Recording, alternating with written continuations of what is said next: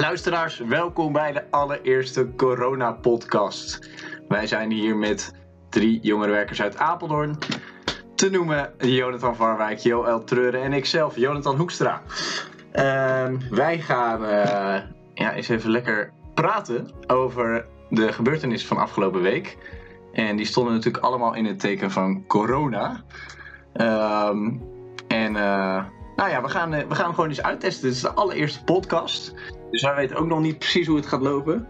Maar we gaan gewoon eens een beetje uitproberen en uh, kijken of we tot iets interessants kunnen komen. En uiteindelijk, we zijn allemaal, we zijn alle drie zijn we jongerenwerkers bij verschillende kerken in Apeldoorn. Dus we gaan uiteindelijk een beetje kijken naar hoe kunnen we corona verbinden met ons geloof.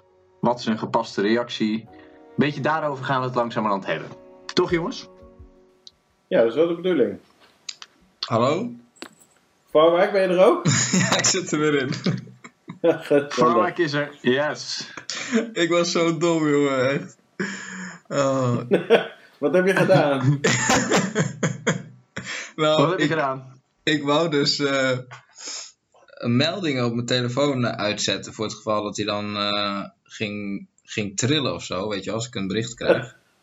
toen, dacht ik, toen dacht ik, weet je wat ik doe? ik zet hem even op vliegtuigmodus.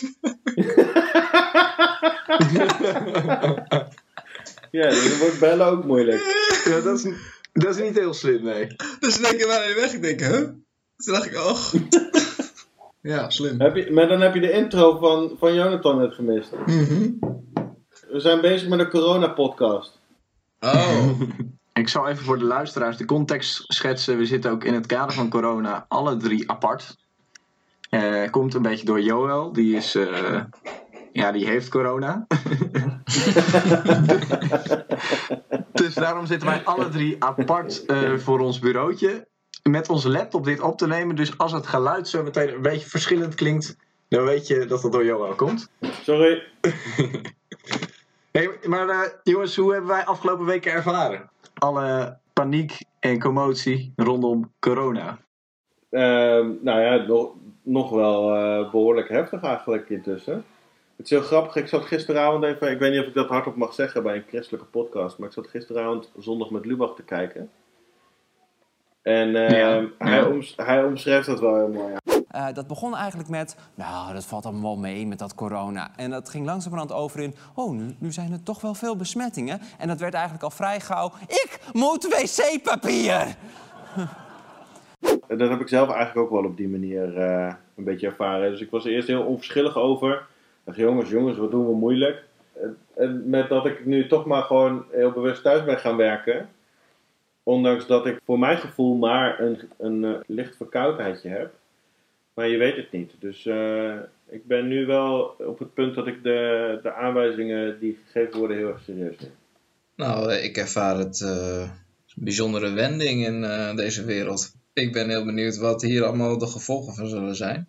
En ja, die, die, krijgt echt zeg maar zo'n zo'n tijdperk, weet je wel, van voor en na corona. Dus het is wel een hele ja. bijzondere ja, bijzondere wending, zeg maar. En voornamelijk omdat het natuurlijk een pandemie is en dat je wereldwijd hier overal mee te maken hebt. Het is echt natuurlijk gigantisch. Ja. En dan kom je natuurlijk onder druk te staan. En dan, dan is het inderdaad spannend van, ja, wat, wat komt eruit als je onder druk komt te staan, zeg maar. Ja, ik zit ook regelmatig even naar die kaart te kijken die ze dan op de NOS hebben. En dan zie je hoe dat aantal besmettingen wereldwijd gewoon iedere keer weer toeneemt. En hoe dat verbazingwekkend lang bleef dat nog een beetje uit in Afrika. Maar nu zelfs in Afrika verspreidt het zich overal. Dus volgens mij zit het nu echt, echt overal. Heel bizar. Ja. ja, ik moet eerlijk zeggen dat ik uh, die angst nog niet helemaal uh, bij mezelf ervaar. Maar je, ja, je ziet wel een bepaalde onduidelijkheid of verwarring of zo. Of dat, van ja, wat, wat is het nou eigenlijk, zeg maar.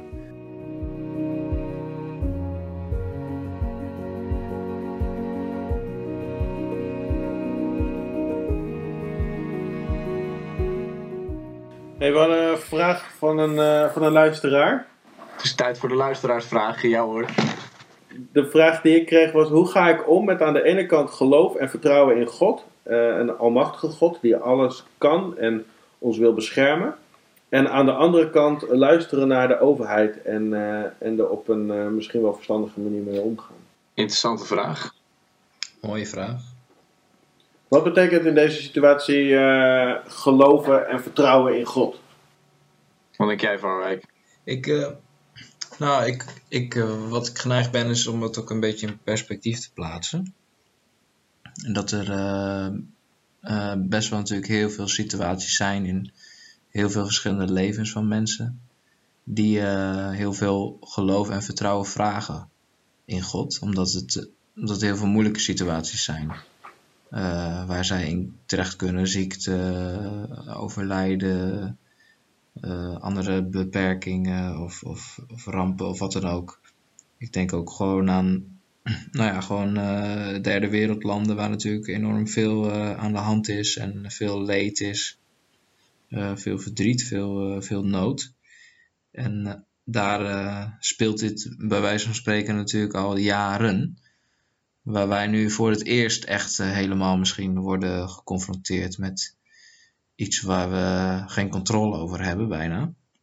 Dus ik denk dat daarin, ehm, ja, dat, dat we misschien wel heel veel kunnen leren, ook wel van die mensen. Een van de dingen die, eh, die mij wel eh bezighoudt is inderdaad van eh, als je op dit soort momenten veel druk ervaart, van waar, ja, waar, ga, je, waar ga je naartoe? En wat, wat doet het uiteindelijk met je? Ga je inderdaad hamsteren, zorg je ervoor dat al het eten voor jou is? Of, eh, ja, of laat je het liggen, wil je het aan een ander geven? Of doe je het met mate? Of, zeg maar, hoe, hoe ben je gefocust in zo'n situatie? Ja, En ik denk dat daarin eh, het geloof en het vertrouwen op God je denk ik een hele mooie eh, en gezonde focus kan geven. ja.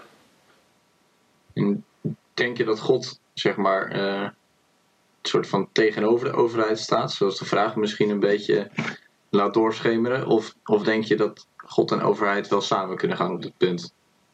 Ik denk dat het zeker samen kan gaan. Ik denk, eh, ik, kijk, je hebt natuurlijk eh, gehoorzaamheid aan de regering en gehoorzaamheid aan God. En gehoorzaamheid aan God zie je soms natuurlijk ook in de Bijbel dat het ook betekent dat je gehoorzaam bent aan de regering. Dus geloof in God betekent niet dat je een soort van eh, invincible bent. Nee, denk ik niet. Nee. Hoop, hopelijk niet. Nou ja, dat is, ik moet denken aan een tekst uit, eh, uit Lucas.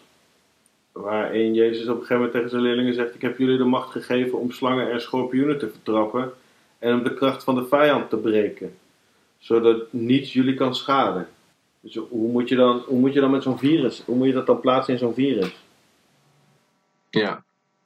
Nou, ik denk ook wel dat het. Dat het eh, eh, er zijn natuurlijk inderdaad meerdere eh, van dit soort teksten. En ook wel, als je naar Jezus zelf kijkt, die eh, is niet, niet echt bang voor ziekte of dood. Die raakt melaatse eh aan, eh, allerlei soorten zieken. Komt hij mee in aanraking, in contact.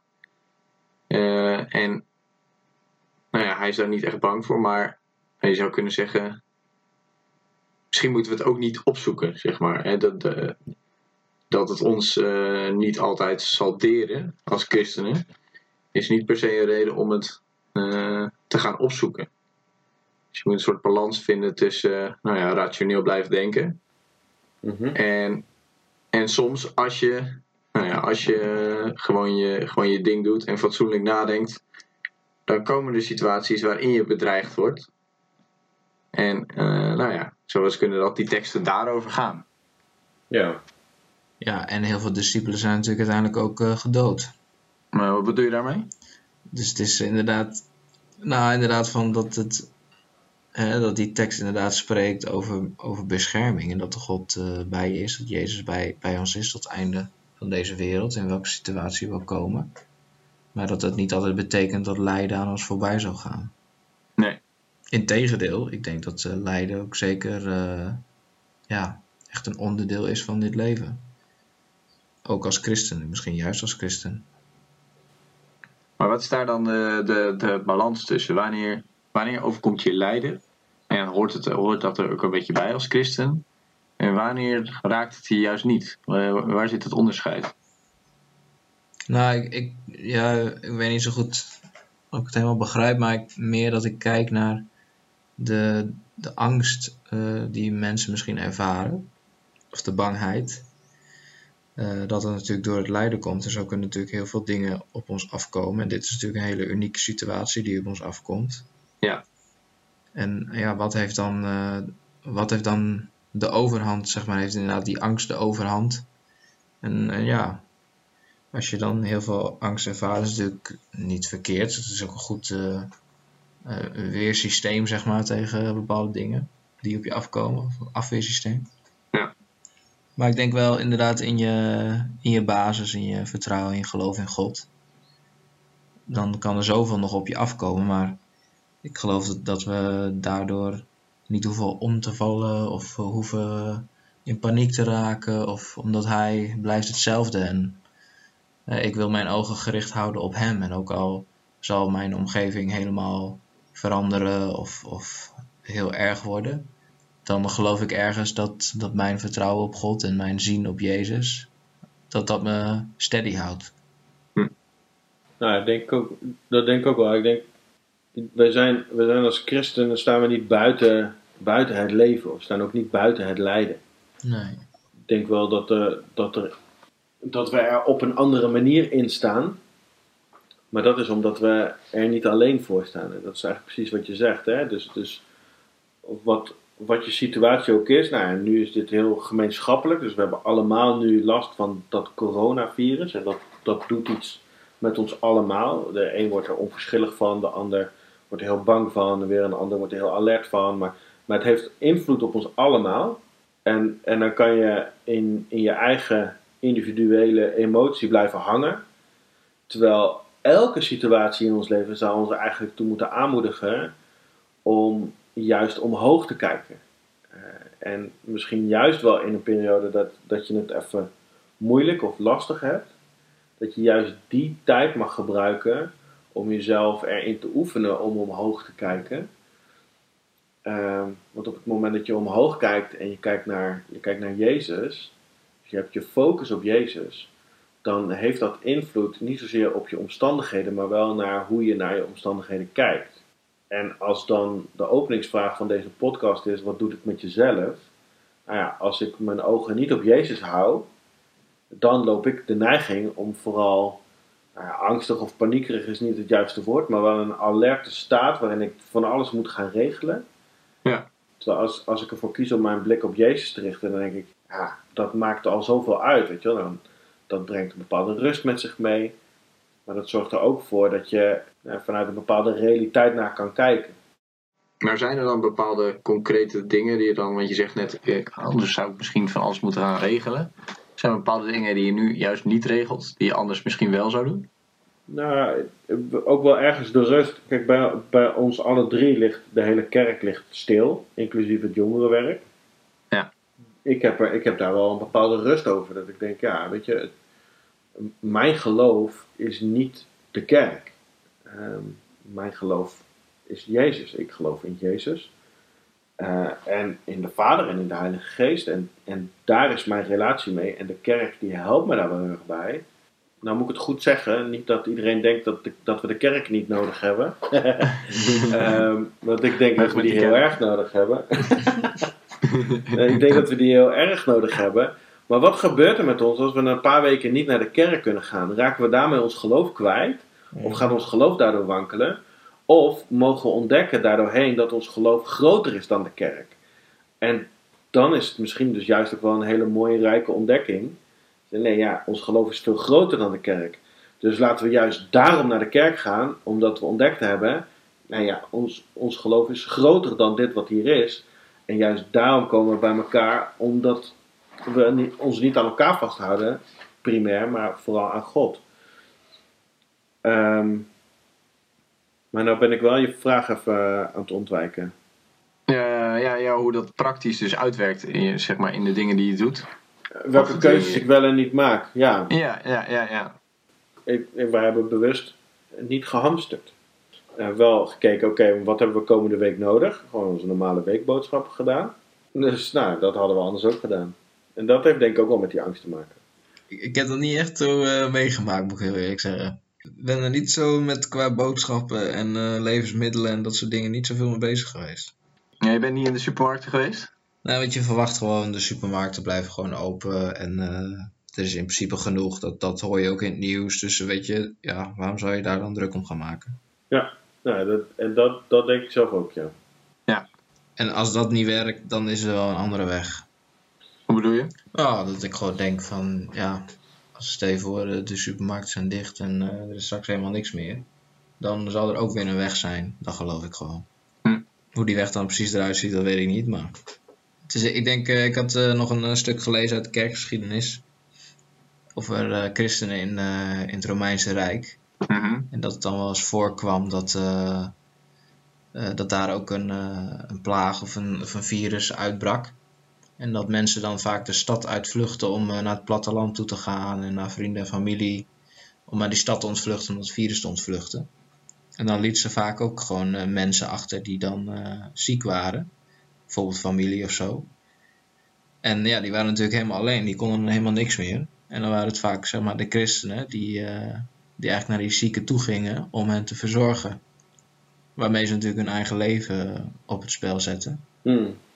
Dus daarin zie je ook wel dat, ja, dat is zo'n zo'n situatie als dit is natuurlijk juist voor de kerk, eh, voor, voor ons als christenen, denk ik ook echt een, eh, ja, een oproep om, eh, ja, bij wijze van spreken niet, niet voor jezelf te hamsteren, maar dan maar voor iemand anders, weet je wel. Mhm. Maar dat je, eh, dat je je leven, ja, ergens heb je je leven minder lief misschien. En wil je het juist geven als een, eh, als een offer, juist ook voor anderen, juist in deze tijden.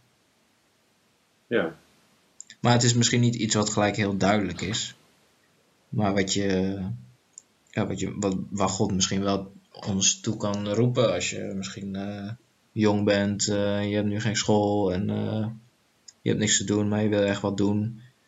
Nou, dan zou ik echt zeggen van probeer eh, wat, wat te vinden wat goed is en eh, dat je mensen kan helpen. Dat je elkaar eh, positief eh, even opzoekt via sociale media. Of dat je even belt met elkaar. Of een, iemand even een, een, een steun in de rug geeft. Hoe noem je dat? Een, ik met mijn, eh, met mijn goede... Een stomp in de rug. Een, een steuntje in de rug is een correcte uitdrukking. Steentje in de rug. ja. Nee, dus dat... Weet je, dus ik denk dat eh, dit soort tijden zijn juist eh, voor ons als christenen gemaakt ook, denk ik. Dus daarom juist niet angstig zijn, maar eh, hoofd omhoog en, eh, en laat zien wie Christus in je is. Kijken waar je, waar je juist kunt, eh, kunt ondersteunen. Ja, weet je, misschien is dat wel eerst gewoon in je eigen gezin, met je, met je ouders. En, eh, weet je, en is dat, dat prima. Maar misschien heb je wel de mogelijkheid of voel je de, ja, ergens iets in je hart van, nee, ik, ik wil ook nog wat anders doen. Of eh, ja, denk er Ja. goed, goed natuurlijk over na of het mogelijk is. En, je Nou ja, er zit natuurlijk één, één beperking aan. Dat op het moment dat je zelf verkouden bent, dat het dan al getuigt van naaste liefde om thuis te blijven. Want dan kan je met je goede hulp misschien juist wel iemand anders ziek maken. ja, Ja, maar dat is dus eigenlijk een hele passieve. eh, dat lijkt een hele passieve manier van, eh, van goed bezig zijn of zo. Het- als je dan bijvoorbeeld die mensen erbij pakt die alleen doodgaan, Ja. dan.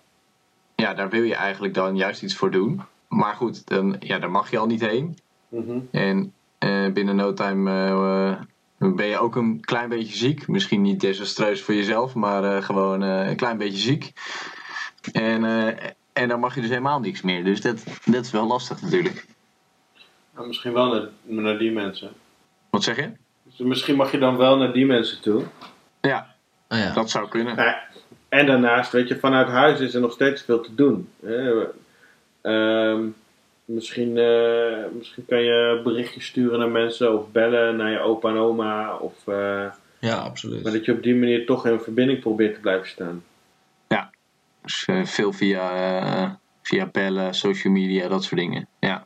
Ja. En Varwijk, jij, jij noemde dit net. Heb, heb je daar ook een concreet idee bij?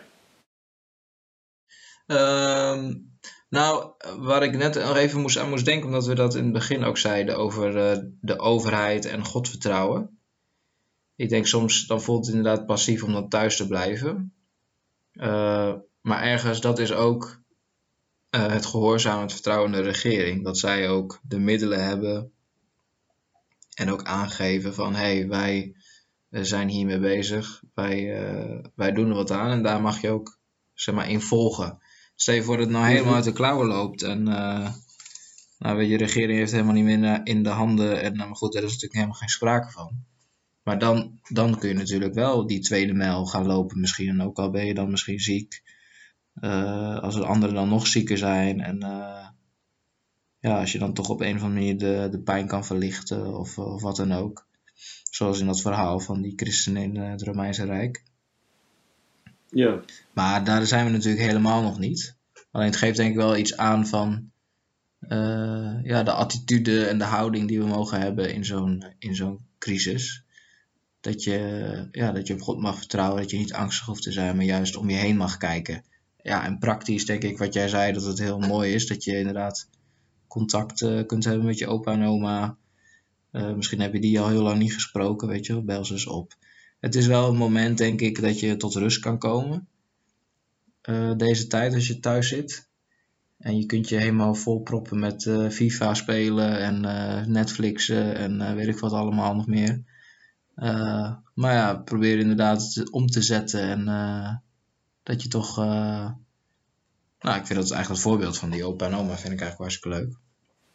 Hm. Maar ook dat je gewoon misschien ik- een goed gesprek met je ouders... Nee, dat, zat ik, dat zat ik net te denken, want juist, ik weet niet hoe dat in, eh, in andere gezinnen gaat, maar bij ons herken ik wel dat we, eh, nou, we hebben een, een aantal rustmomenten in onze week zitten, waarin we dan weer elkaar weer even zien. Maar voor de rest zijn we vooral heel erg druk. ja, En, en je wordt nu wel meer teruggeworpen op elkaar. Dus misschien, ondanks dat je juist de kans vrij groot is dat je in een fase zit in je leven waarin je even niet zoveel met je ouders te maken wil hebben. ja. Nou, ja, misschien is dit wel een mogelijkheid om, eh, om daar waar je wat minder verbonden was met elkaar, om, eh, om die verbondenheid weer eens aan te halen. ja. Echt een soort eh, resetfase. Ja. Ja. Dus we mogen het ook als een kans zien. absoluut. Ja, dus een kans om meer in gesprek te komen. Meer, eh, eh, wat, voor, eh, wat, voor tips zouden jullie hebben voor mensen die nu wekenlang thuis zitten? Die misschien bang zijn, misschien super verveeld zijn. Wat, wat zouden jullie, hoe zouden jullie dat concreet invullen? Nou, ik moet vooral denken aan Psalm 23, waarin de Heer is mijn herder, die psalm. En op een gegeven moment staat er ook: Mijn beker vloeit over. En ik zeg dat soms wel eens een beetje voor de grap, maar zit ergens ook wel, geloof ik er ook wel in. Dat wij zeggen soms: eh, het glas is half vol of half leeg. En dan zeg ik altijd: Ja, maar mijn, mijn glas dat, is, dat, dat stroomt over, mijn beker stroomt over. Dus dat lijkt me vooral een hele goede beginhouding. Dat je inderdaad positief ook de dingen mag bekijken. Ja. Ik denk dat er genoeg reden is om nog steeds ook dankbaar te zijn. En dat de dankbaarheid ook echt onze kracht is. En dat de vreugde onze kracht is. Ja. En eh, beweeg vooral in die, eh, in, die, eh, in die modus, zeg maar. Gewoon van dankbaarheid, van vreugde. En ja, en dan kan er een hoop komen, denk ik, in je gedachten. Ja, ik weet even niet zo snel, Johan, misschien jij? Ja, heel concreet. Ik kwam een plaatje tegen op Facebook. Je kan dat briefje uitprinten en bij je, bij je buren in de bus gooien. Dan laat je je telefoonnummer achter en dan kunnen zij jou een appje sturen met wat zij nodig hebben. Dan zou je misschien boodschappen voor ze kunnen doen, of je zou even met ze kunnen kletsen. Of nou, als jullie allebei niet ziek zijn, misschien zou je ze een kopje koffie kunnen drinken bij ze. Nou, dus dat je op die manier juist probeert om, eh, om aan je heel direct je buren te laten merken ik zou eventueel wel iets voor je kunnen betekenen, laat het maar weten. Ja. Ehm, en het waar ik net ook aan moest denken was, je zou dit ook kunnen, toen je begon, Vaarwijk, over ehm, dat je je helemaal kunt volproppen met FIFA en Netflix. En eh, dat ik dat misschien ook wel gedaan had als ik nu niet naar school had gehoeven. En in die leeftijd had gezeten. Maar ik kan me van die periode ook nog wel herinneren dat ik echt wel het verlangen had om meer met de dingen van God bezig te zijn. Maar dat ik daar nooit echt goed tijd voor vrij kon maken. Ja. Ehm, misschien dat de komende tijd dan juist ook wel een moment mag zijn waarin je jezelf daartoe kunt motiveren. Dat je zegt, oké, maar van, van iedere dag waarin ik, wanneer er zoveel momenten zijn dat ik me verveel of dat ik weer eh, uren op TikTok zit te kijken, dan gebruik ik een, een, een kwartier, een half uurtje of een uurtje om met de dingen van God bezig te zijn. En of dat dan is een podcast luisteren, eh, zoals deze, heel goed bezig als je deze aan het luisteren bent. Voor jezelf gewoon wat worship tijd inruimen of de Bijbel lezen, nou noem het maar. Maar dat je de, de tijd die je niet naar school gaat, gebruikt om eens na te denken: hoe kan ik heel bewust even bezig zijn met de dingen van God. Ja, want ik, ik hoor wel veel om me heen, ook van, ook van eh, jongeren, dat ze gewoon heel erg druk zijn en niet heel veel tijd hebben voor dingen van God. En je kunt nu natuurlijk met je studie bijvoorbeeld nog steeds heel druk zijn. Maar ergens denk ik wel dat er iets meer rust nu in het leven is gekomen. En eh, ja, wordt het dan opgevuld door inderdaad de angst, de bezorgdheid of onverschilligheid? Of kun je het inderdaad misschien ook vullen met de dingen van God? En dat hoeft natuurlijk niet alleen uh, ogen dicht, uh, handen gevouwen en bidden te zijn. Maar inderdaad, Mm. wat net gezegd werd, hè, gewoon letterlijk en figuurlijk je naasten lief hebben, je buren. Uh, Ja. Of kijken van, hé, hey, wat, wat kan ik doen? Maar dat je, ja, dat je eigenlijk, uh, het, is, het is ergens wel een kans, hè, van die, die God ook weer ergens geeft of zo. Dat klinkt een beetje gek. Maar inderdaad van, ja, hey, nu je de rust hebt en nu je de tijd hebt, dat ik haast denk van, dat, dat God dan zegt van, wil je me nu wel zoeken? Of verlang je nu wel naar mij? Of... Uh, vraag ik me bij, mezelf ook wel af. Ja. hey, um, Jonathan, jij, jij had het net over die Psalm 23. Ja. Zou dat niet een mooie zijn om eens mee af te sluiten? Vind ik een goed idee. Psalm 23 is een psalm van David. De Heer is mijn herder. Het ontbreekt mij aan niets. Hij laat mij rusten in groene weiden. Hij voert mij naar vredig water. Hij geeft mij nieuwe kracht en leidt mij langs veilige paden tot eer van zijn naam.